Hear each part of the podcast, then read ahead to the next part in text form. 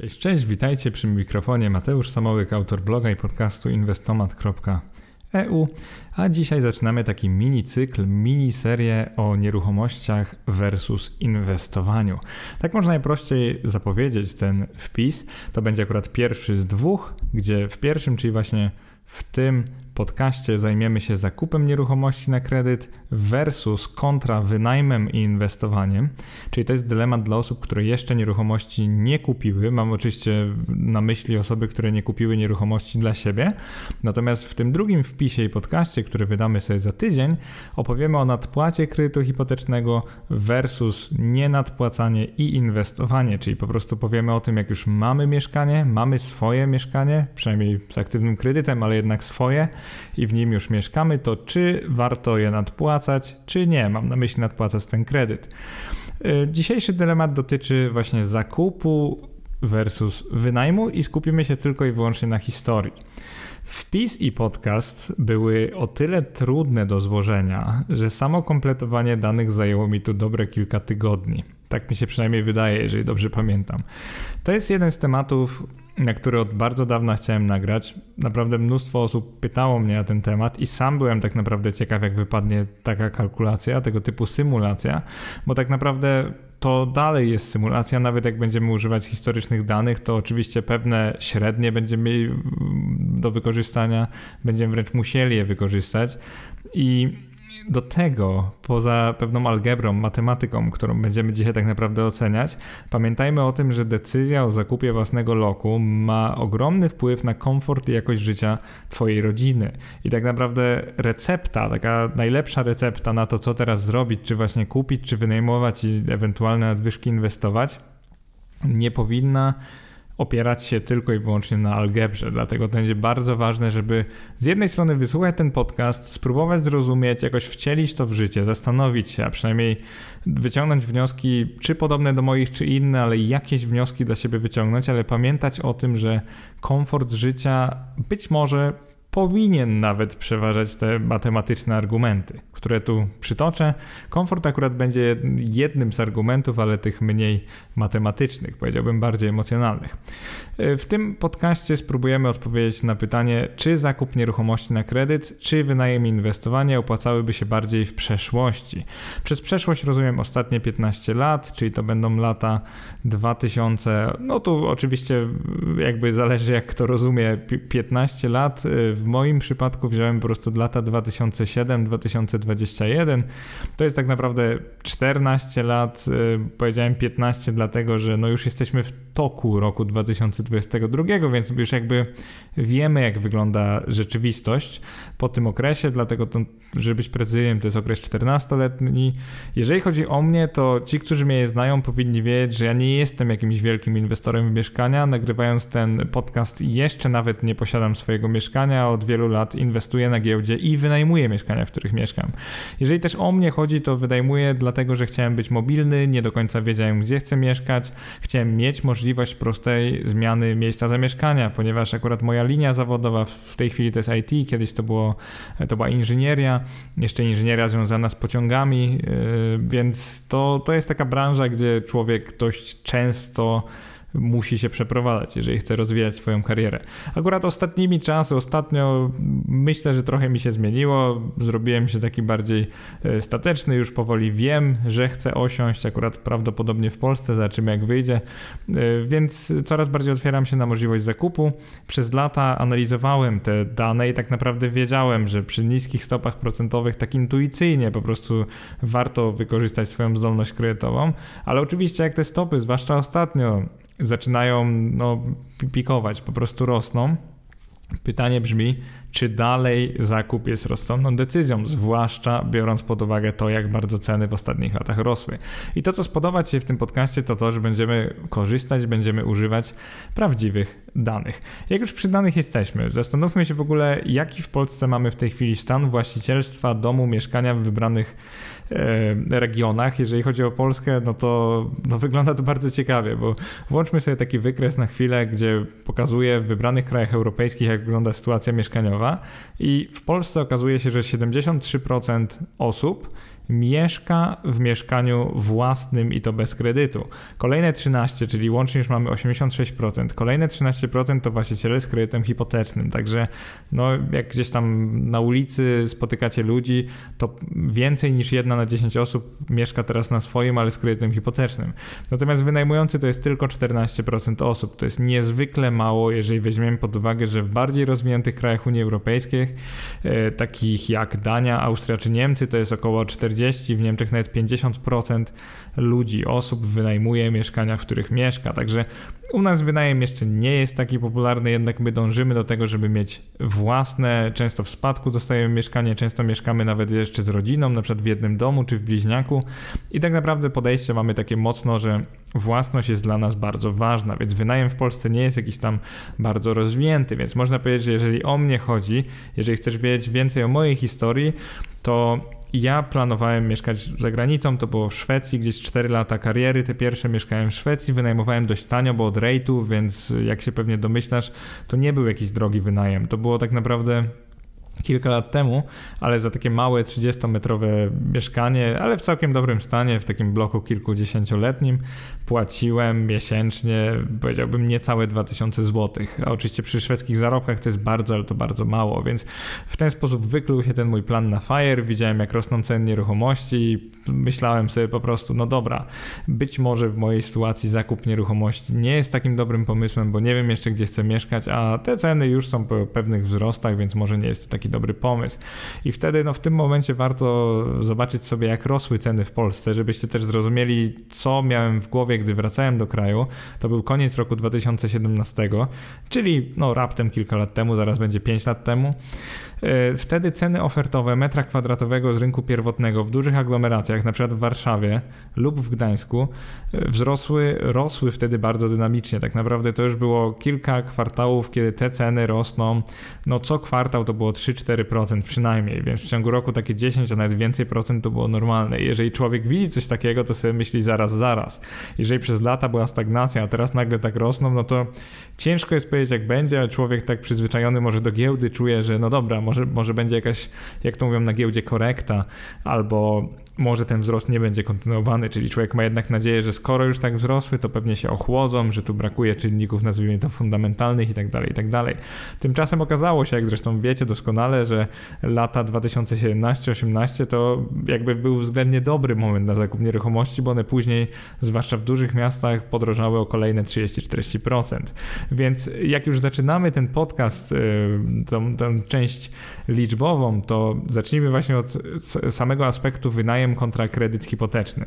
W Polsce panuje bardzo mocno zakorzenione przekonanie o tym, że własne mieszkanie, na, czyli takie własne, ale na kredyt, jest lepsze od wynajmowanego. I taki argument, który usłyszycie od prawie wszystkich ludzi, zwłaszcza tych starszych, to jest to, że w pierwszym przypadku, czyli na kredyt, płacimy na swoje, a w drugim płacimy na czyjeś, tak jakby komuś spłacamy kredyt. To często się tak mówi, że my spłacamy czyjś kredyt hipoteczny. I w tym podejściu albo w takiej ocenie zapominamy jednak o dwóch ważnych detalach. Mianowicie, pierwszy Pierwszy z nich to to, że kredyt hipoteczny wymaga wkładu własnego i on zwykle wynosi 10-20% cen nieruchomości. I to oznacza dla większości osób, natychmiastową utratę od między 50 a 200 tysięcy złotych, czyli tracimy między 50 a 200 tysiącami złotych. Po prostu moglibyśmy te środki zainwestować na przykład e, na giełdzie, natomiast my te pieniądze od razu, e, można powiedzieć, lokujemy w zakup mieszkania, także zamrażamy je i tak naprawdę ciężko już z nimi cokolwiek zrobić. Drugi argument albo drugi aspekt, o którym często takie osoby zapominają, to to, że podczas czasu trwania kredytu hipotecznego nie spłacamy jedynie pożyczonej kwoty, ale też odsetki dla banku, które przy niezerowych stopach procentowych, czyli na przykład takich jak teraz, w ciągu 30 lat wyniosą zwykle prawie drugie tyle, co pożyczyliśmy od banku, a nawet może więcej niż drugie tyle. Oczywiście powyższe zostanie częściowo zniwelowane wpływem inflacji, czyli jakby mieszkanie jak kupimy teraz, to za 30 lat jakby już będziemy ten kredyt spłacać w innych złotych niż teraz, tak jakby mniej wartych.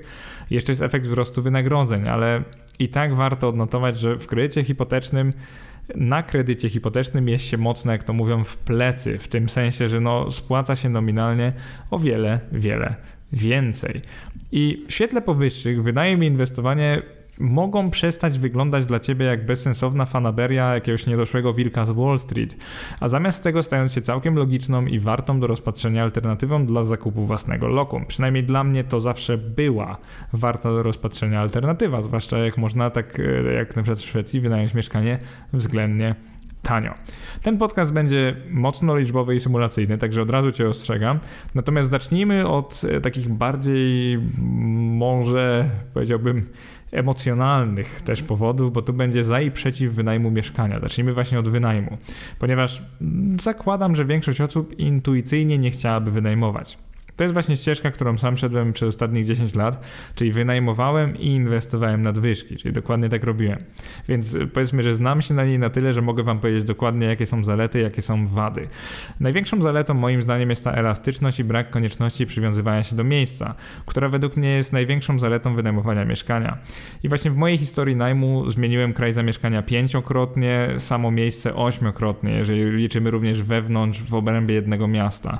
Oczywiście przy zakupie aktywności aktywnym kredycie hipotecznym też można się przeprowadzić, ale wymaga to po prostu więcej zabawy i formalności zazwyczaj.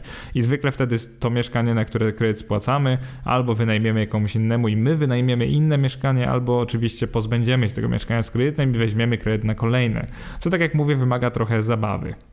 Druga zaleta to brak ryzyka wzrostu kosztów kredytu przy rosnących stopach procentowych, ponieważ nie mamy kredytu. E, w Polsce no 90, ja, ja tak się śmiałem, że łącznie 99% kredytów to kredyt o zmiennym oprocentowaniu.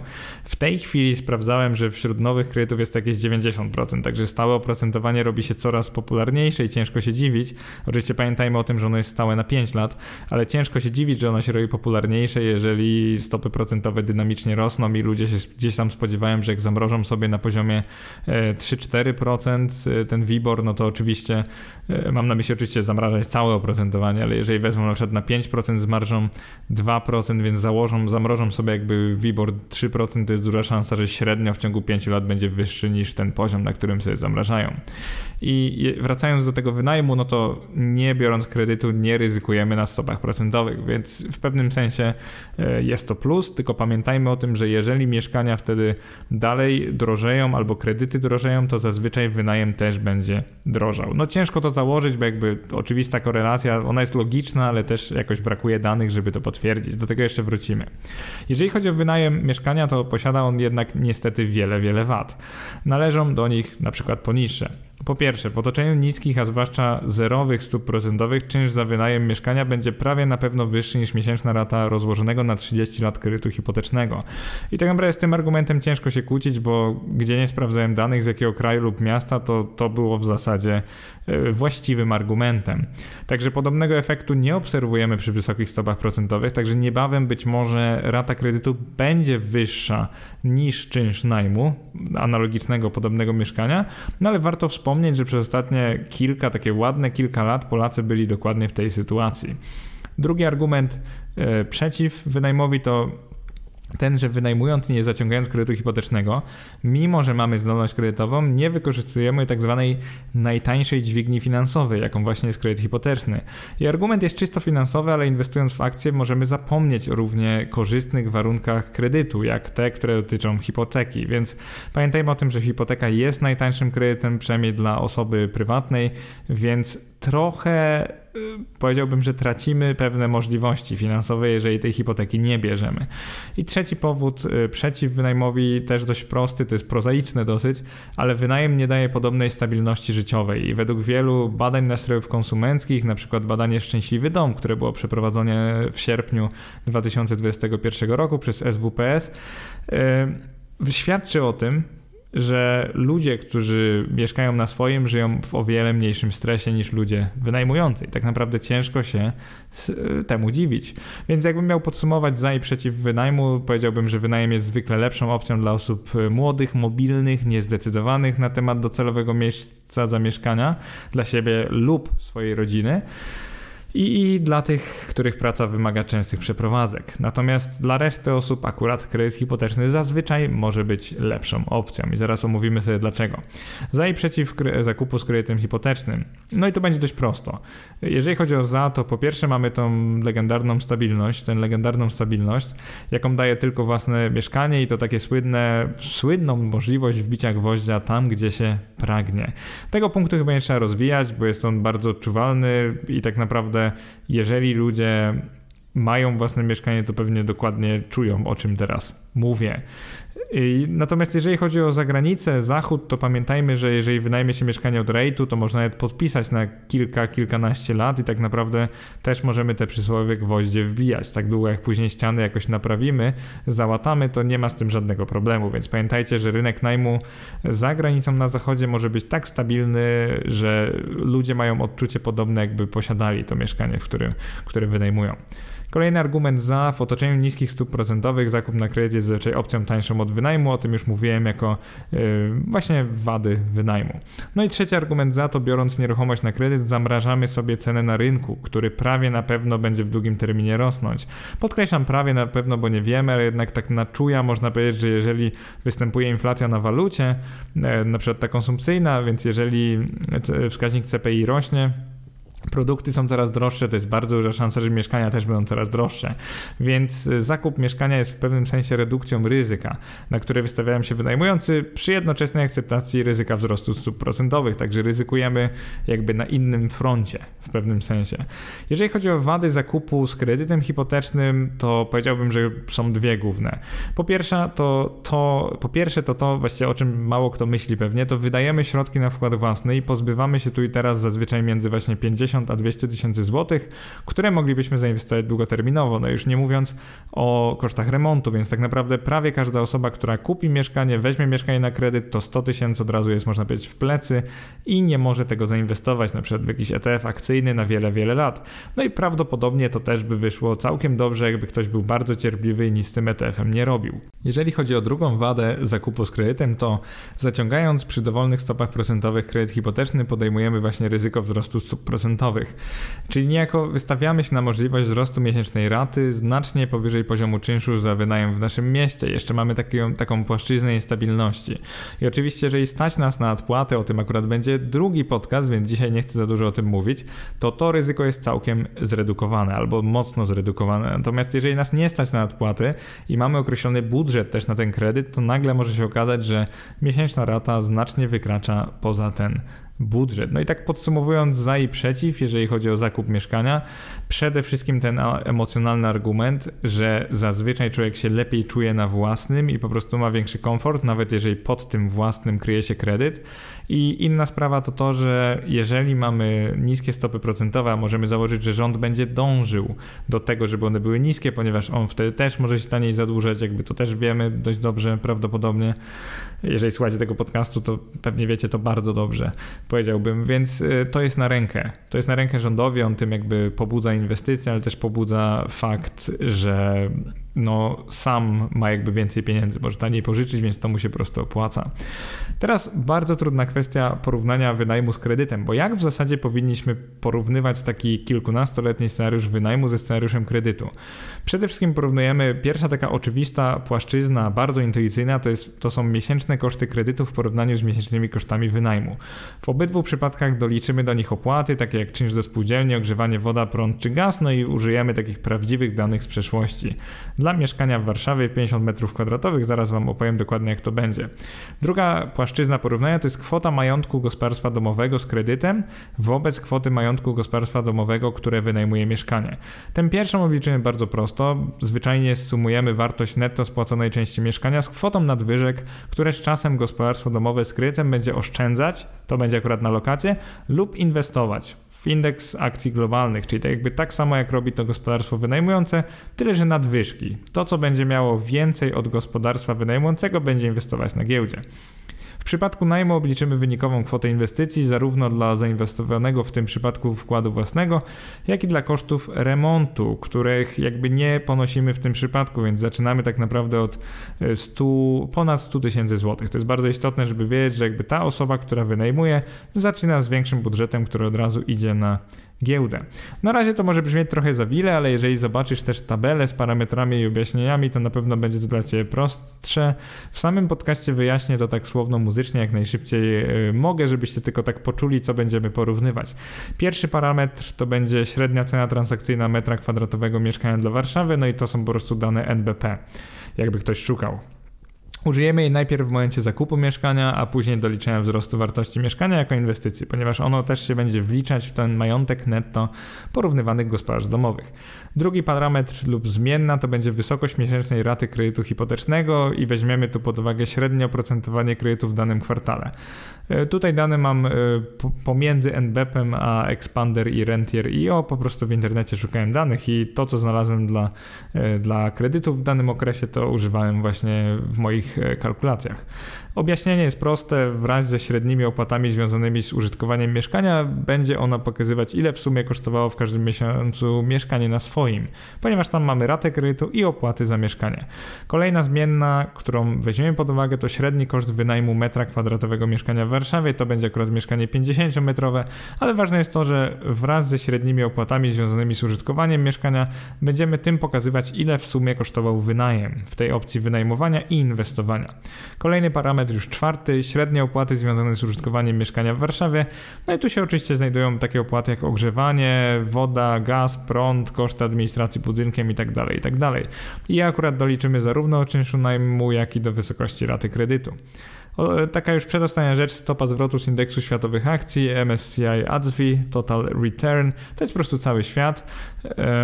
Tu uwzględnimy oczywiście dywidendy, czyli total return i to będzie podane w złotych, także e, weźmiemy ten indeks, ja przeliczyłem stopy zwrotu na złote, także nie było tu żadnego hedżowanego indeksu, kupujemy jak najtańszy ETF.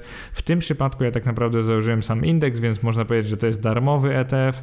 Użyjemy tej stopy zwrotu, żeby pokazać jak zmieniałaby się wartość zainwestowanych w akcje środków, które w scenariuszu wynajmu zaoszczędzilibyśmy na wkładzie własnym i remoncie mieszkania, a nas w scenariuszu zakupu oczywiście byśmy oszczędzali później z każdym miesiącem, ponieważ e, rata zwykle będzie tańsza niż wynajem. Od razu dam taki spoiler, jeżeli weźmiemy te dane przeszłe z Polski. Ostatni parametr, niezwykle ważny, to stopa procentowa WIBOR 3M, e, 3-miesięczny. Użyjemy jej najpierw do policzenia zmian oprocentowania kredytu w czasie, ponieważ WIBOR się zmieniał, więc kredyt też miał różne koszty z czasem, a następnie do policzenia ile w danym okresie płaciły lokaty bankowe. Także zobaczycie, że jeden wariant będzie zakładał, że osoba, która w zasadzie gospodarstwo domowe, które zakupiło mieszkanie z kredytem, nie będzie inwestować na giełdzie, zamiast tego będzie lokować pieniądze na lokatach, co tak naprawdę w Polsce jest dalej bardzo, bardzo popularne. Teraz pewne założenia do analizy. Pierwsze założenie. Przedmiotem analizy będą osoby gos lub gospodarstwa domowe, tak naprawdę możemy mówić, że to będą rodziny, o identycznych sytuacjach finansowych, które będą miały do dyspozycji identyczne kwoty do. I tu są dwa warianty. Pierwsza rodzina będzie używała swoich pieniędzy jako wkładu własnego i środków na remont i zaciągną kredyt na mieszkanie. I później, jeżeli na tym mieszkaniu będą e, miesięcznie wydawać mniej od inwestujących, tam jest określony budżet, zaraz o tym powiem, no to nadwyżki będą blokować na giełdzie. Wariant drugi to jest e, rodzina, która zainwestowała te środki, które jakby oszczędziła na zakupie, ponieważ nigdy nie musiała tego wkładu własnego i środków na remont przeznaczyć i inwestuje je po prostu w indeks akcji, wynajmuje mieszkanie i też jeżeli będzie miała nadwyżki, kolejne środki inwestuje na giełdzie.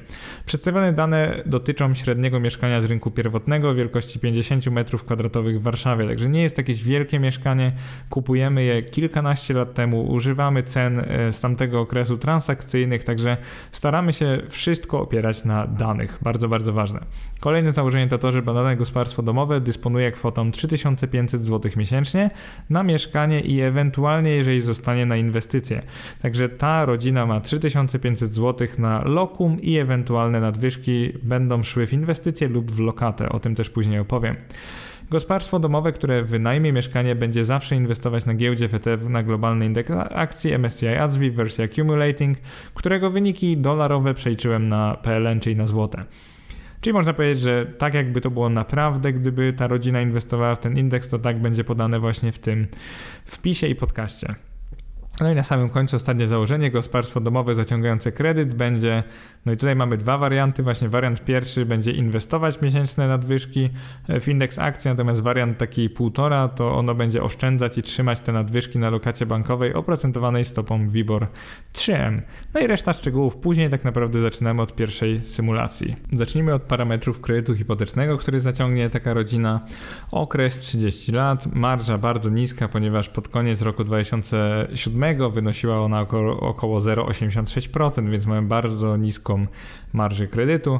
Rata kredytu będzie stała, także najpierw spłacamy głównie odsetki, a z biegiem lat coraz większą część kapitałową. Ci, którzy znają się na kredytach, to rozumieją, jak to działa. No i jeżeli chodzi o zmianę wysokości tych stałych rat, one będą jakby zamrażane dla okresów 3-miesięcznych, także co 3 miesiące bank będzie aktualizował tabelę odsetkową. Wszystko policzyłem za pomocą funkcji PMT w Excelu, więc jeżeli jesteście ciekawi, jak to liczyłem, no to po prostu funkcja PMT. Wartość nieruchomości w chwili zakupu to jest 428 550 zł, także około 430 tysięcy złotych. To wynika z pomnożenia średniej ceny transakcyjnej na rynku wtórnym w Warszawie z czwartego kwartału 2007 roku, czyli to jest 8571 zł razy 50 metrów, także dość proste. Wkład własny w tym przypadku 20%, także nie zakładałem minimalnego, tylko taki, no że rodzina jednak nie chciała brać jakiegoś większego kredytu, także wkład własny wyszedł 85 710 zł, koszt remontu 50 tysięcy złotych. Tak defensywnie, ale uznałem, mówię, to jest mocno uznaniowe, ale uznałem, że tani remont i umeblowanie w tamtych czasach dało się zrobić za 50 tysięcy złotych. Podkreślam tani, także nie jest to wysoki standard, po prostu coś musiałem założyć. Jeżeli chodzi o gospodarstwo domowe, które nie weźmie kredytu, a zamiast tego będzie wynajmować mieszkanie, to charakteryzujemy je takimi parametrami. Po pierwsze, przedmiot inwestycji to będzie indeks MSCI ASWI, czyli akcje globalne, w wersji akumulującej dywidendy, także accumulating. Przeliczamy je na złote, ale on nie ma zabezpieczenia walutowego wobec złotego, czyli rodzina de facto kupiła ten indeks w, do, w dolarach. Zainwestowana kwota początkowa to jest suma wartości wkładu własnego i kosztów remontu pierwszego gospodarstwa domowego, więc tak naprawdę to jest 85 710, który wynosił wkład własny, plus 50 tysięcy złotych, czyli mamy 135 710 złotych i tyle ta rodzina zamiast wydawać na właśnie ten kredyt plus remont, kredyt oczywiście mam na myśli wkład własny, to ta rodzina te 135 tysięcy ponad zainwestuje na giełdzie w tamtym momencie. To jest o tyle mm, taki smaczek, że zauważcie, że rok 2007, koniec to było zaraz przed tym kryzysem finansowym, więc w, z jednej strony rodzina wchodzi w, w mieszkanie na górce, ponieważ mieliśmy wtedy takie maksima cenowe i tak naprawdę przez ponad 10 lat ceny mieszkań w Warszawie nie wróciły do tego poziomu, więc mieliśmy też mieliśmy górkę na nieruchomościach i mieliśmy górkę na giełdzie, ponieważ w pierwszym roku rodzina ta będzie miała stopę zwrotu minus 24% na właśnie tych globalnych akcjach. Także to był naprawdę bardzo słaby moment zarówno na inwestycje, jak i na zakup mieszkania i to czyni ten scenariusz jeszcze ciekawszym. Od razu powiem, że będziemy mieli jeszcze drugą symulację kilka lat później, kiedy już będzie zupełnie inna sytuacja na giełdzie z mieszkaniami, ale zaczynamy od tej pierwszej. No i właśnie w symulacji pierwszej podstawowe parametry pokazuję w tabeli, tak żeby na szybko je omówić, no to cena metra kwadratowego mieszkania zaczynamy od 8500 za metr, ale ona naprawdę dynamicznie spada i przez kolejne lata jest to nawet 6900, 7400, 7300. To są po prostu niższe ceny i dopiero wracają w 2019, przekraczają ten poziom do 8940 za metr. I to jest oczywiście rynek e, wtórny, ceny transakcyjne. Jeżeli chodzi o miesięczną wysokość raty kredytu, to ona oczywiście zależy od y, wyboru, więc jakby tutaj ciężko jest y, powiedzieć cokolwiek poza tym, że stopy były wyższe, później przez lata były niższe, więc zaczynamy od 2700 zł. No i z czasem ta rata mocno spada, mimo że to jest kredyt o równych ratach, to y, no tak to działa, że jak WIBOR spada, to oczywiście te równe raty też będą spadać. Więc mamy później 2300, 2200, 2100, później w roku 2015 to już poniżej 2000, później wraca do około 2000 i w 20 jak mieliśmy te słynne, legendarne zerowe stopy procentowe, mam na myśli prawie zerowe, te 0,25, no to wtedy 1900 wynosiła rata kredytu, także naprawdę ona mocno spadła od początku. Jeżeli chodzi o koszt najmu miesięczny, to on na początku był niższy od raty kredytu, czyli wynosił tam 2550, ale oczywiście najem z czasem drożał, więc jakby tu mamy taki efekt, że na końcu e, rata kredytu wynosiła 1900, a najem już kosztował 3008 zł. Także tu mamy jednak wyraźny wzrost z czasem i niestety zakładamy, że ta rodzina wynajmująca będzie ten rynkowy wzrost cen najmu, ona jakby przeżyła, więc to jest o tyle nierealistyczne, że wiadomo, że żaden, e, po angielsku byśmy powiedzieli landlord, żaden właściciel mieszkania nie, nie narzucałby takich e, podwyżek, wiecie, co kwartał, natomiast my w symulacji używamy właśnie prawdziwych danych z ostatnich lat. Jeżeli chodzi o stopy zwrotu indeksu akcji, oczywiście były one na początku tragiczne, minus 24%, no później jest coraz lepiej. Tak naprawdę są bardzo dobre lata, więc rodzina inwestująca wyszła na tym całkiem nieźle. No i WIBOR, on będzie do tej lokaty też liczony, na początku 6,31% i powoli spada 4, 3, wraca prawie do 5, później znowu 3% i przez lata już jest 1,7, 1,71 dokładnie i później spada nawet do 0,34 w roku 2021. Także oczywiście wiemy, że teraz, kiedy wydaje ten podcast, stopy, można powiedzieć, dość dynamicznie rosną, więc jakby już nie jesteśmy w tej sytuacji. Natomiast oceniając przeszłość, warto jest zrozumieć, gdzie się znajdowaliśmy, w jakiej sytuacji, żeby też później zrozumieć całą symulację. No i zaczynamy. Najpierw porównamy miesięczne koszty kredytu i najmu właśnie od roku 2007, czyli mamy lata 2007-2021. I tu jest bardzo ciekawie, bo tak jak mówiłem, na początku miesięczna kwota, to mamy w zasadzie miesięczną kwotę oszczędności, czyli mając budżet 3500 zł, po odjęciu kosztów kredytu i opłat mieszkania lub kosztów wynajmu i opłat mieszkania, czyli tyle, ile łącznie kosztował wynajem, ile z tych 3500 nam zostaje później na inwestowanie lub oszczędzanie. I to jest o tyle ciekawie, że jak braliśmy kredyt, one były jeszcze drogie, więc udało się na niskiej marży, ale WIBOR był wtedy bardzo wysoki, więc kredyt był drogi, więc zostawało nam mniej niż 1000 zł. Natomiast nie trzeba było wiele czekać, już w roku 2008-2009 powoli okazywało się, że kredyt jest opcją tańszą niż wynajem, przynajmniej w tamtych czasach. Więc działo się takie coś, że na kredycie przez wiele, wiele lat, tak naprawdę od 2013 do 2021 mogliśmy co miesiąc oszczędzić nawet 1400-1500 zł. To jest naprawdę bardzo dużo. Natomiast rodzina wynajmująca na początku mogła oszczędzić 1000 zł miesięcznie na tym mieszkaniu, a później z czasem coraz to mniej i tak naprawdę w roku 2019 już to było jakieś 200-300 zł. Także ten wykres pięknie nam pokazuje właśnie jak można oszczędzić na kredycie, jeżeli się kupi mieszkanie jeszcze względnie tanio, bo pamiętajmy, że no niby weszliśmy na górce, ale przez 10 lat tak naprawdę ceny były dość niskie, więc ten wynajem też jakoś e, nie drożał może tak bardzo.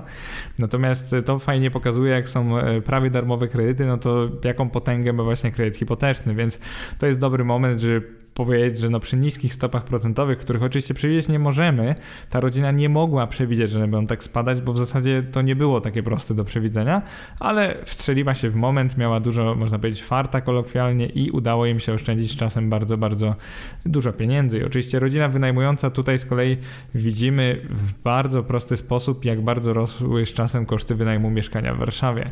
Teraz przechodzimy do omówienia drugiego wykresu, najważniejszego, jeżeli o symulację chodzi, czyli właśnie czy w latach 2000 2007-2021 kredyt wygrałby z wynajmem. To jest to, na co wszyscy tak naprawdę czekali, czyli porównanie efektów obydwu diametralnie się od siebie różniących ścieżek mieszkaniowo-inwestycyjnych. Czyli to jest wariant pierwszy z wariantem 2, czyli ten, w którym obydwie rodziny decydują się na inwestowanie nadwyżek na giełdzie, dokładnie w indeks MSCI ASV Total Return. Pamiętaj, że w obliczeniach ignorujemy inflację, która i tak nie ma tu żadnego znaczenia, bo porównujemy ze sobą dwie nominalne wartości kapitału.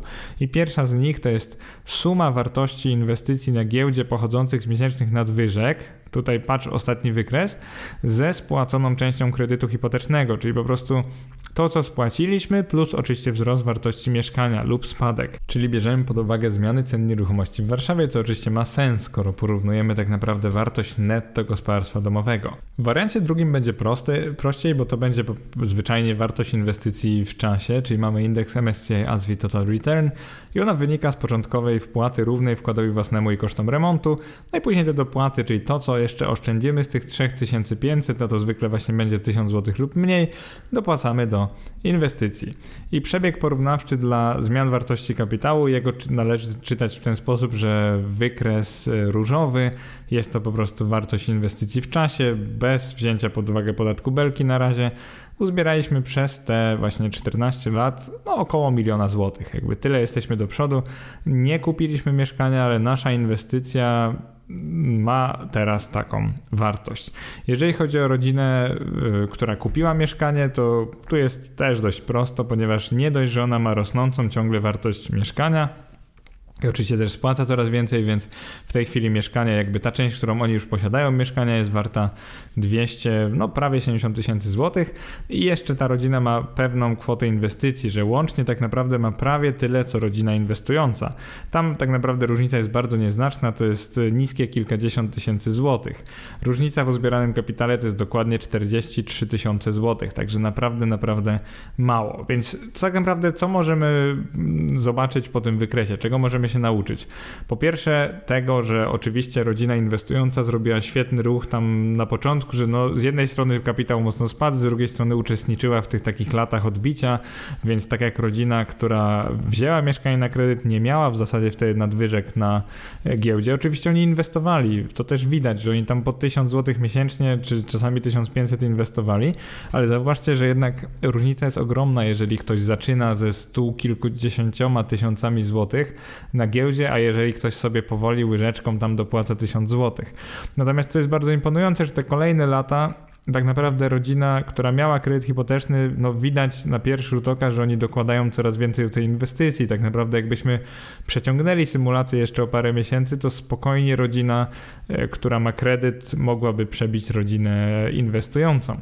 I teraz też bardzo ciekawe, co z podatkiem Belki, no bo jak już inwestujemy, a ja mówię bez podatku Belki, a nie mówię nic o kontach IK i IGZE, to może powinniśmy pokazać inny wykres, taki, który uwzględnia zapłatę podatku Belki pod koniec tego okresu, czyli jakby zakładamy, że na koniec inwestycji e, spiężamy ją. Także sprzedajemy te, ten ETF, no i zobaczymy, jaki mieliśmy zysk, ile płacimy podatku belki. No i ten drugi wykres pokazuje już, że rodzina, która wzięła mieszkanie na kredyt, mimo że w bardzo niefortunnym momencie, na takiej górce, że te wartości mieszkań, ceny mieszkań nie wróciły do tego poziomu przez 10 lat, to zauważcie, co robią niskie stopy procentowe, jeżeli chodzi o kredyt hipoteczny.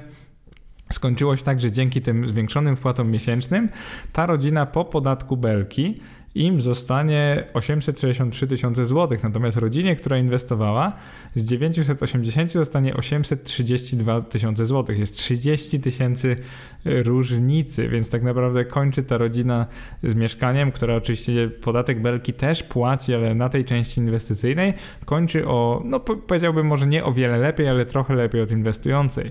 I tak naprawdę jeżeli chodzi o tę symulację, no to udowodniła ona to, że w otoczeniu wysokich, ale spadających rosnących stóp procentowych i relatywnie wysokich, bo to był lokalny szczyt cen mieszkań, nie ma większego znaczenia, czy mieszkanie kupimy, czy nie. Ale tylko tak długo, jak oszczędzamy nadwyżki, inwestujemy na giełdzie. I oczywiście, że giełda nie zalicza jakiejś gorszej dekady, bo to też się zdarzało. No i z moich obserwacji wynika, że niewiele rodzin w Polsce skłonne byłoby zainwestować swoje nadwyżki na giełdzie i zamiast tego raczej by zasililiby nimi lokaty bankowe. To jest takie standardowe, że jednak w Polsce oszczędzanie kojarzy się z lokatami. I to mnie zainspirowało, żeby rozpisać jeszcze alternatywny scenariusz, czyli to jest taki wariant półtora dla rodziny z kredytem. No jak się pewnie domyślasz, robimy coś takiego, że ta rodzina nie inwestuje, tylko całe te nadwyżki, które właśnie wynosiły między 1000 a 2000 zł miesięcznie, ta rodzina lokuje na zwykłym depozycie bankowym, który jest oprocentowany WIBORem. I teraz zobaczymy, jak to wyszło. I pewnie jak się spodziewasz, wyszło bardzo źle dla rodziny z kredytem, ponieważ no, ten wykres dowodzi jasno i tak naprawdę udowadnia, tak naprawdę czegoś spodziewać po nim, ale on udowadnia, że inwestowanie ma sens. Oczywiście to są, to są konkretne lata, tak naprawdę zaczynamy przed kryzysem, więc jeżeli ktoś mnie teraz oskarży, że zły moment, to zauważcie, że zły moment to ta rodzina wybrała na inwestowanie, bo włożyła 130 tysięcy w roku 2007, no i prawie od razu jest 20 parę tysięcy w dół w kilka miesięcy, więc to nie był świetny moment, ale zauważcie, że jednak później dokładanie nad nadwyżek sprawiło, że kończą na właśnie sprawie milionem. Jak wtedy usuniemy jeszcze podatek belki, będzie oczywiście te 800 kilkadziesiąt tysięcy. Natomiast jeżeli druga rodzina, ta, która wzięła kredyt, nie inwestowała, tylko lokowała na takiej oprocentowanej WIBORem, który przecież w tym okresie był całkiem niski, lokacie, no to okazuje się, że ten wzrost kapitału to jest kolorem czerwonym na wykresie oznaczony, jeżeli masz przed sobą wpis albo oglądasz to na YouTubie, ponieważ właśnie od jakiegoś czasu też na YouTubie publikujemy te podcasty, to no ten przebieg czerwony jasno pokazuje, że wzrost kapitału przy lokacie no zupełnie nie wygląda tak samo jak wzrost kapitału przy inwestowaniu. Więc w tym alternatywnym alternatywnym scenariuszu mamy nie 43 tysiące złotych, a 404 tysiące złotych różnicy w kapitale. To oczywiście świadczy o tym, że w badanym okresie lat 2007-2021 największym, można powiedzieć, grzechem byłoby nie wybranie kredytu hipotecznego, a zamiast tego inwestowanie, znaczy może inwestowanie na lokacje, chciałem powiedzieć, no oszczędzanie e, za pomocą lokaty, także tak naprawdę tak długo jak inwestujemy, to sens mają obydwa podejścia i tak naprawdę to jest chyba w tej chwili najlepszy wniosek, jaki możemy wysnuć. Prawda jest taka, że osoby, które mają własne mieszkanie, budują w ten sposób kapitał i też spodziewają się wzrostów mieszkania, o tyle lokaty nie potrzebują, że to mieszkanie zawsze można upłynnić. To też nie jest tak, że one nie mogą wymienić tego mieszkania na gotówkę i coś z tą gotówką zrobić, tak jakby nagle potrzebowały. Oczywiście mieszkanie jest nijak tak płynne jak lokata, nie jak akcje, więc pamiętajcie o tym, że no, mieszkanie nie może być tą przysłowiową poduszką finansową, to, to, to, trochę dziwne podejście było. Natomiast to jest podobnie stabilny kapitał do lokat, jakby bardziej przypominają te ruchy na rynku mieszkań, przynajmniej na razie, niż ruchy na rynku akcji. Z tym, że akcje w długim terminie, no sami widzicie na tym wykresie, no wychodziły o wiele, wiele lepiej. I pewnie Wiele osób, które słuchają tego podcastu, mogły teraz pomyśleć, no dobra, Mateusz, ale dlaczego wybrałeś akurat taki okres, a nie inny okres, czyli na przykład jak mieszkania były tańsze.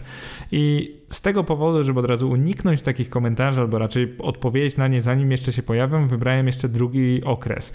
Symulacja będzie wyglądać tak samo, tylko zamiast roku 2007 zaczniemy w roku 2012. I teraz co jest bardzo istotne, to jest zupełnie inny rok, jeżeli chodzi o otoczenie zarówno gospodarcze, jak i giełdowe. I oczywiście mamy krótszą symulację, no bo 2012-2021 to jest 9 lat. Okres kredytowania 30 lat znowu bierzemy kredyt w roku 2012, kiedy marże już były wyższe, także 1,6% wynosiła marża. Wartość nieruchomości wynosi też 323 300 zł. No i to znowu wynika z pomnożenia średniej, która wtedy wynosiła 6466 zł przez 50 razy 50 i dzięki temu mamy nową liczbę. Wkład własny znowu 20%, w tym przypadku 20% z tych 323 będzie wynosić 64 660 zł. Koszt remontu 60 tysięcy złotych, parę lat minęło, remont jest droższy, więc jakby w bardzo prosty sposób zakładam, że 5 lat później remont jest zwyczajnie droższy niż był 5 lat temu. Kupujemy zatem nieruchomość po cenie o wiele atrakcyjniejszej niż w pierwszej symulacji, co wynika bezpośrednio z niższych cen mieszkań na rynku z roku 2012 wobec roku 2007. Gospodarstwo domowe, które nie weźmie kredytu, a zamiast tego wynajmie, będzie się charakteryzować tak naprawdę bardzo podobnymi założeniami co w poprzedniej symulacji, czyli przedmiot inwestycji to jest indeks MSCI ADSWI, czyli akcje globalne. Kwota początkowa to jest, jest akurat trochę niższa, bo to jest 64 660 plus 60 tysięcy złotych, wychodzi 124 660. Także zamiast tych 130 kilku inwestujemy 120 kilka i tak naprawdę otoczenie jest bardzo podobne. Natomiast jak zobaczymy sobie tabelę z założeniami, z tą symulacją, od razu nam się rzuci w oczy, że w tym okresie, czyli rok 13-21, no jasno widać, że ceny mieszkań rosną w tym czasie. Miesięczna wysokość raty kredytu w zasadzie przez cały okres spada, to jest związane ze spadającym wiborem. Koszt najmu przez cały okres rośnie i teraz jesteśmy w sytuacji, gdzie już na początku najem jest znacząco droższy niż zakup mieszkania.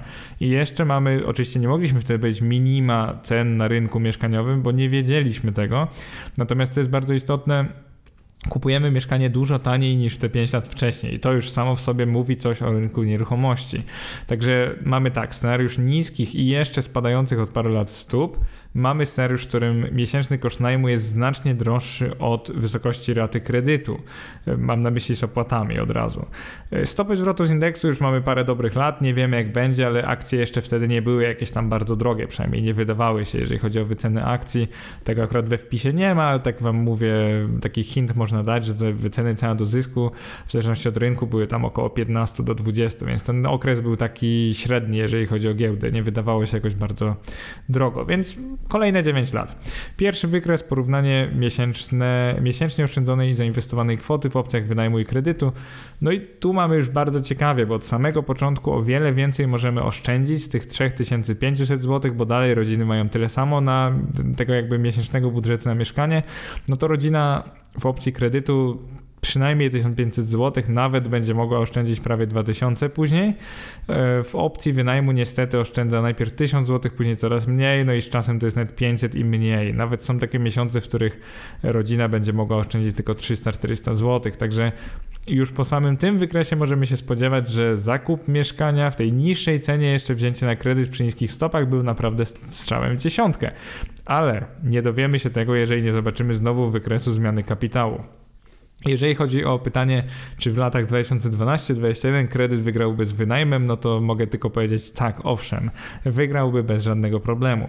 I tutaj bardzo pomogłyby mu niskie ceny w całym 9-letnim okresie, ponieważ stopy procentowe, które też wtedy były niskie, yy, niskie ceny oczywiście były na początku okresu, później one rosły, natomiast jak ktoś kupuje mieszkanie tanio, później jeszcze stopy procentowe są niskie przez cały okres, czego oczywiście nie mógł, nie mogli wiedzieć, ale wynosiły wtedy maksymalnie 3-2%, przez część czasu nawet 0,3% WIBOR wynosił albo mniej, e, więc ta rodzina dzięki temu, że mogła inwestować, nadwyżki wynoszące 1500-200 zł, 2000 zł, przepraszam, miesięcznie, no to to robi całą symulację, można powiedzieć. Jak taka symulacja by się skończyła, jeżeli jesteście ciekawi, no to pomimo tego, że przez 9 lat spłacili jedynie oni 56 tysięcy złotych z prawie 260 tysięcy złotych kredytu, to posiadają oni 380 tysięcy złotych swojej nieruchomości. No i jak to jest możliwe? Wzrost jej wartości.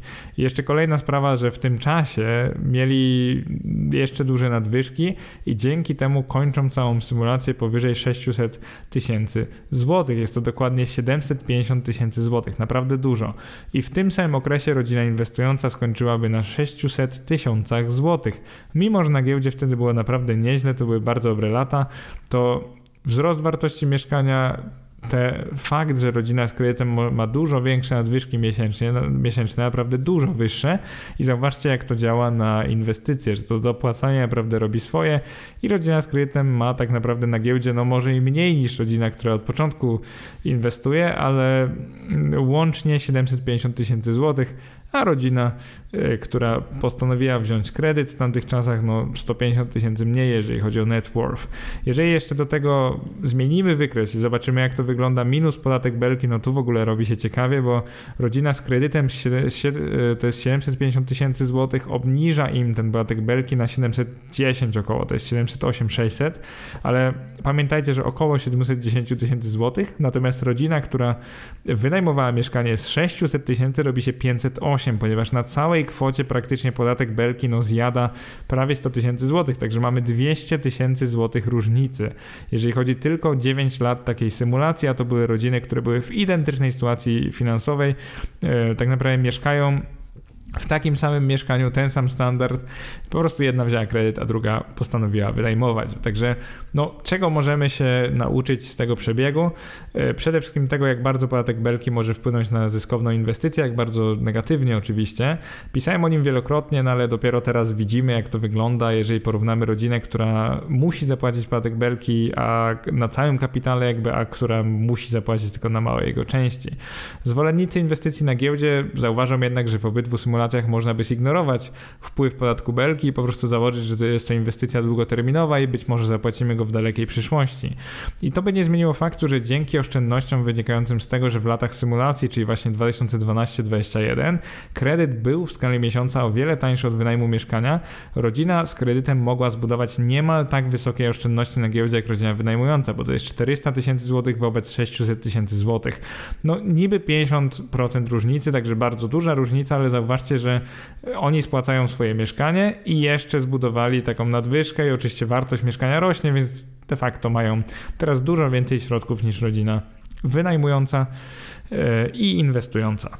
Ale jeżeli teraz znowu byśmy zrobili takie porównanie, że lata 2000, 2012, e, ale do 2021, ale kredyt z lokatą, czyli znowu nie inwestujemy tylko środki na lokatę, to też jest ciekawe, bo wychodzi z tego, że rodzina, która spłacałaby kredyt i lokowała właśnie na tym depozycie lokacie, wyszłaby nieznacznie gorzej od rodziny inwestującej, ale prawda jest taka, że jakbyśmy teraz uwzględnili podatek belki, to wyszłyby bardzo podobnie, a nawet rodzina, która by na tym bardzo nisko oprocentowanym depozycie trzymała pieniądze, nawet by na tym można powiedzieć, zarobiła więcej, miałaby większy net worth niż rodzina inwestująca. Oczywiście w długim, długim terminie mogłoby tak nie być, bo giełda z dużym prawdopodobieństwem kompletnie przebije ten lokatę i nawet wzrost wartości mieszkania, natomiast, natomiast to jest bardzo ciekawy okres i no po raz kolejny okazuje się, że niezależnie od ceny zakupu mieszkania, w podobnych symulacjach prym wiedzie fakt, yy, taki, czy osoby zdecydują się inwestować, czy tylko odkładać swoje pieniądze na lokację lub wcale.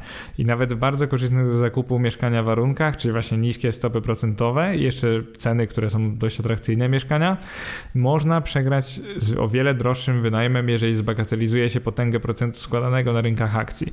To jest taka lekcja, którą no, chciałbym, żebyście wyciągnęli z tego podcastu. I teraz bardzo istotne pytanie dla wszystkich, to jest takie niejako podsumowanie tego podcastu, czyli zakup nieruchomości na kredyt, czy wynajem inwestowanie, czyli tak samo jak się nazywa dokładnie ten wpis i podcast. Choć nikt z nas nie dysponuje szklaną kulą, a nawet jeśli, to raczej nie będzie ona zbyt skuteczna w przewidywaniu przyszłych stóp procentowych, a co za tym idzie również cen mieszkań w Polsce, ponieważ jedne mają bardzo duże przełożenie na drugie, to warto rozpisać sobie kryteria, które sprzyjają zakupowi na kredyt, zarówno mieszkania na własny użytek, jak i inwestycyjnemu zakupowi mieszkania na wynajem. Kiedyś słyszałem taki dobry, bardzo dobry cytat dotyczący wpisu i podcastu, który moim zdaniem zawiera wielką wewnętrzną mądrość, a brzmiał on mniej więcej tak. Kupowanie nieruchomości na własny użytek powinno być procesem zupełnie innym od zakupu nieruchomości inwestycyjnej o wiele bardziej niż cena, a więc spodziewana stopa zwrotu inwestycji, powinny liczyć się nasze uczucie komfortu czy poczucie komfortu i wygody dla nas i naszej rodziny. Tak długo jak stać nas na kredyt, zakładając kilkuprocentowy wzrost stóp procentowych, czyli kilka punktów procentowych w górę, tak długo możemy myśleć o zakupie nieruchomości na kredyt i w zasadzie to jest tyle. Ciężko mi cokolwiek dodać do tego mądrego cytatu, ale postanowiłem wyjść z taką moją tabelą, pokazując Wam, jakie są czynniki, które sprzyjają zakupowi mieszkania na kredyt oraz jakie są czynniki sprzyjające wynajmu, wynajmowi i inwestowaniu. Bardzo istotna tabela podsumowująca. Zacznijmy. Będziemy tak naprawdę czynniki przedstawiać, jakby na przykład stopy procentowe, kiedy są dobre dla kredytu, kiedy do inwestowania. I właśnie pierwszym z nich no to są relatywnie niskie lub spadające ceny mieszkań. Pierwsze kryterium.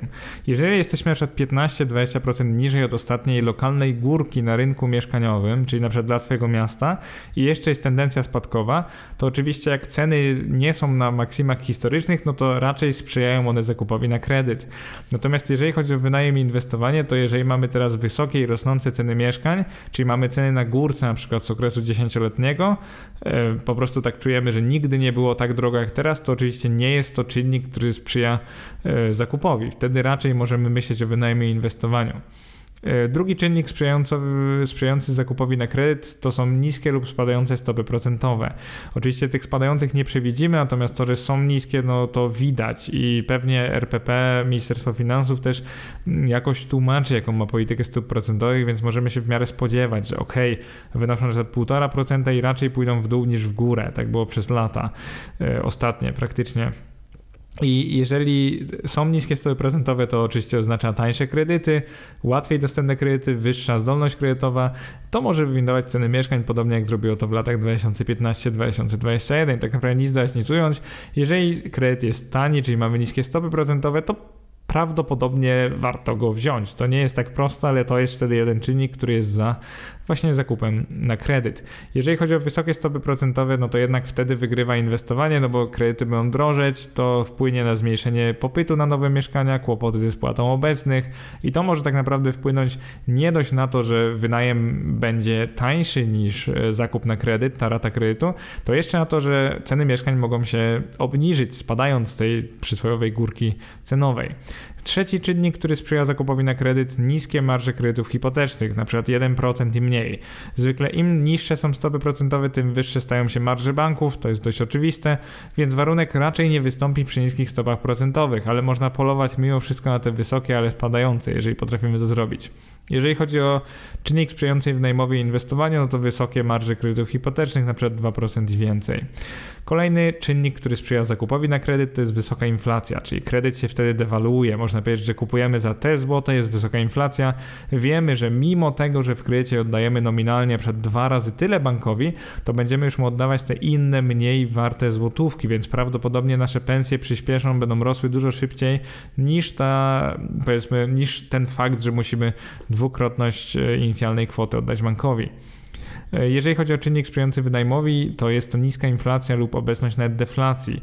Niska inflacja prawie na pewno nie wystąpi przy wysokich stopach procentowych, bo zwykle to właśnie nimi walczy się z wysoką konsumpcją, która powoduje inflację. Ale jeżeli jest niska inflacja, no to wynajem i inwestowanie może okazać się lepszą opcją. E, taka najważniejsza rzecz, najważniejszy powód, który sprzyja zakupowi na kredyt, to jest oczywiście potrzeba stabilizacji związana na przykład z chęcią założenia rodziny. Jeżeli chodzi o wynajem, no to z kolei mamy potrzebę wysokiej mobilności. Na przykład jeżeli pracujemy, mamy taką sytuację zawodową, że musimy być mobilni, no to wtedy wynajem sprawdzi się dla nas dużo lepiej. I tak naprawdę streściłbym to wszystko następująco. Jeżeli stop, ceny mieszkań spadają, stopy procentowe są niskie lub zapowiadają są ich cięcia, bo są wysokie, ale gdzieś tam widzimy, że będą cięcia. Jeżeli banki konkurują i marże kredytów są niskie, to tak naprawdę nie ma się co zastanawiać, trzeba brać maksymalny kredyt i to mieszkanie po prostu kupować.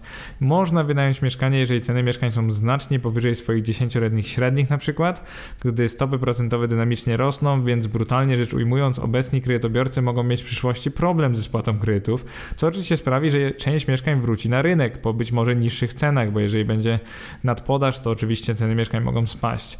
Wynajem działa najlepiej dla osób, które cenią sobie mobilność i po prostu policzyły, że przyszłe koszty rat kredytu mogą znacznie przewyższyć koszty wynajmu mieszkania, co przy na przykład obecnych cenach, czyli z roku 2022 może być prostsze niż przy poziomach cen z lat 2007 i 2012.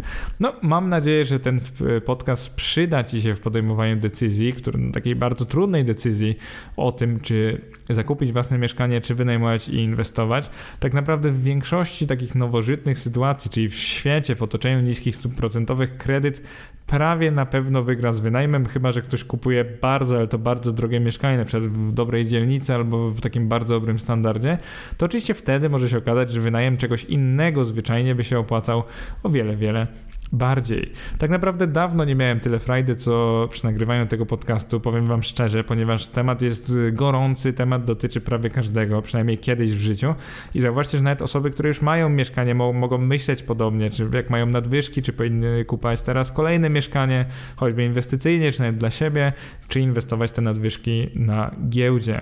I myślę, że jakimś zarzutem dla mojej dzisiejszej analizy może być to, że uwzględniałem to tylko średnie, czyli mamy średnie ceny nieruchomości, mamy średnie ceny najmu, mamy średnie marży kredytów, ale moim zdaniem nie da się podobnych stymulacji wykonywać na czymkolwiek innym od średnich. I teraz dla osób, które zauważyły, że nie mówiłem nic o nadpłacaniu, czyli jakby ten podcast dotyczył tylko kwestii zakupu lub wynajmu, to przypominam, że za tydzień w kolejnym podcaście, w kolejnym też wpisie na blogu omówimy sobie tę opcję nadpłaty kredytu albo inwestowania nadwyżek, czyli jakby już mamy aktywny kredyt hipoteczny, spłacamy go sobie na spokojnie i czy powinniśmy wtedy nadpłacać, albo raczej kiedy nadpłacać raty kredytu, kiedy nadpłacać właściwie kapitał kredytu, a kiedy powinniśmy inwestować nadwyżki na giełdzie, a może powinniśmy zrobić coś pomiędzy, więc kolejny wpis i podcast będą dotyczyć już symulacji przyszłości, także nie będziemy operować na danych historycznych, a ja zasymuluję pewne możliwe scenariusze rozwoju inflacji stóp procentowych, co oczywiście będzie wiązało się z ogromną zabawą dla mnie, bo jest to naprawdę ciekawe robienie takich rzeczy, no ale pamiętajcie, że o ile dzisiejszy podcast bazował na danych historycznych i tak naprawdę udowodnił, że prawdopodobieństwo jest jednak po stronie kredytu, jeżeli jeżeli bierzemy zwłaszcza dla siebie pierwsze na kredyt, wobec inwestowania całej tej kwoty, którą byśmy poświęcili na zakup mieszkania, na wzięcie go na kredyt właściwie, to w przypadku w przypadku nadpłaty już będzie dość ciekawie, bo będziemy mieli konkretne warunki, przy których lepiej jest nadpłacać, a konkretne, przy których być może lepiej jest zainwestować. Mam nadzieję, że ten podcast Ci się spodobał, że czekasz na kolejny, że będziesz miał jakieś komentarze lub będziesz miał, ale jakieś komentarze. Zapraszam serdecznie na bloga, zapraszam też na YouTube. Pamiętajcie o tym, że można polubić moją stronę na Facebooku. Pamiętajcie też o tym, że w ogóle ten podcast powstał dlatego, że mieliśmy mnóstwo dyskusji na ten temat na grupie facebookowej. Także jeżeli jeżeli Was tam jeszcze nie ma, to zachęcam do dołączenia. Nazywa się ona Inwestomat, oszczędzanie, inwestowanie, wolność finansowa. Na wejściu trzeba odpowiedzieć na trzy proste pytania i każdego, kto na nie odpowie w jakiś taki rozsądny sposób, oczywiście przyjmujemy do grupy z moderatorami i zachęcam do dołączenia do tej grupy, bo tam podobnych dyskusji mamy bardzo, ale to bardzo dużo. Jeżeli chodzi konkretnie o ten podcast, to można podyskutować pod wpisem Przypominam, Inwestomat.eu, jeżeli zawsze słuchacie podcastów i nie wchodzicie na bloga, to serdecznie zachęcam. Natomiast jeżeli słuchacie podcastów, bardzo je lubicie, no to też zachęcam do ocenienia ich na Spotify. Ostatnio można też oceniać, jakbyście dali piąteczkę, będę bardzo, bardzo zobowiązany na Apple Podcast, czyli na iTunes, jeżeli macie konto to też możecie ocenić mój podcast. Też będę wdzięczny za każdą ocenę, głównie to jest opiniami, one są naprawdę super, dajecie mi mnóstwo motywacji. W tej chwili, jak nagrywam ten podcast, mam już ich 250 takich ocen, prawie same piątki, także jestem naprawdę e, dumny i blady i naprawdę bardzo się cieszę, że te podcasty do Was trafiają, pomagają Wam i niosą pewną wartość, ponieważ gdyby nie niosły, to oczywiście tworzenie tego typu treści nie byłoby tak, no fajne, mówiąc e, prostym językiem, jak jest. Także zachęcam naprawdę do obserwowania mnie na wszystkich możliwych social media, e, na też ostatnio założonym przeze mnie YouTubie. Niektórzy z Was pewnie nawet oglądają to na YouTubie, tam też możemy mieć odrębne dyskusje, także staram się odpowiadać na komentarze pod każdym z tych mediów. Bardzo dziękuję za wysłuchanie i do następnego. Trzymajcie się, cześć.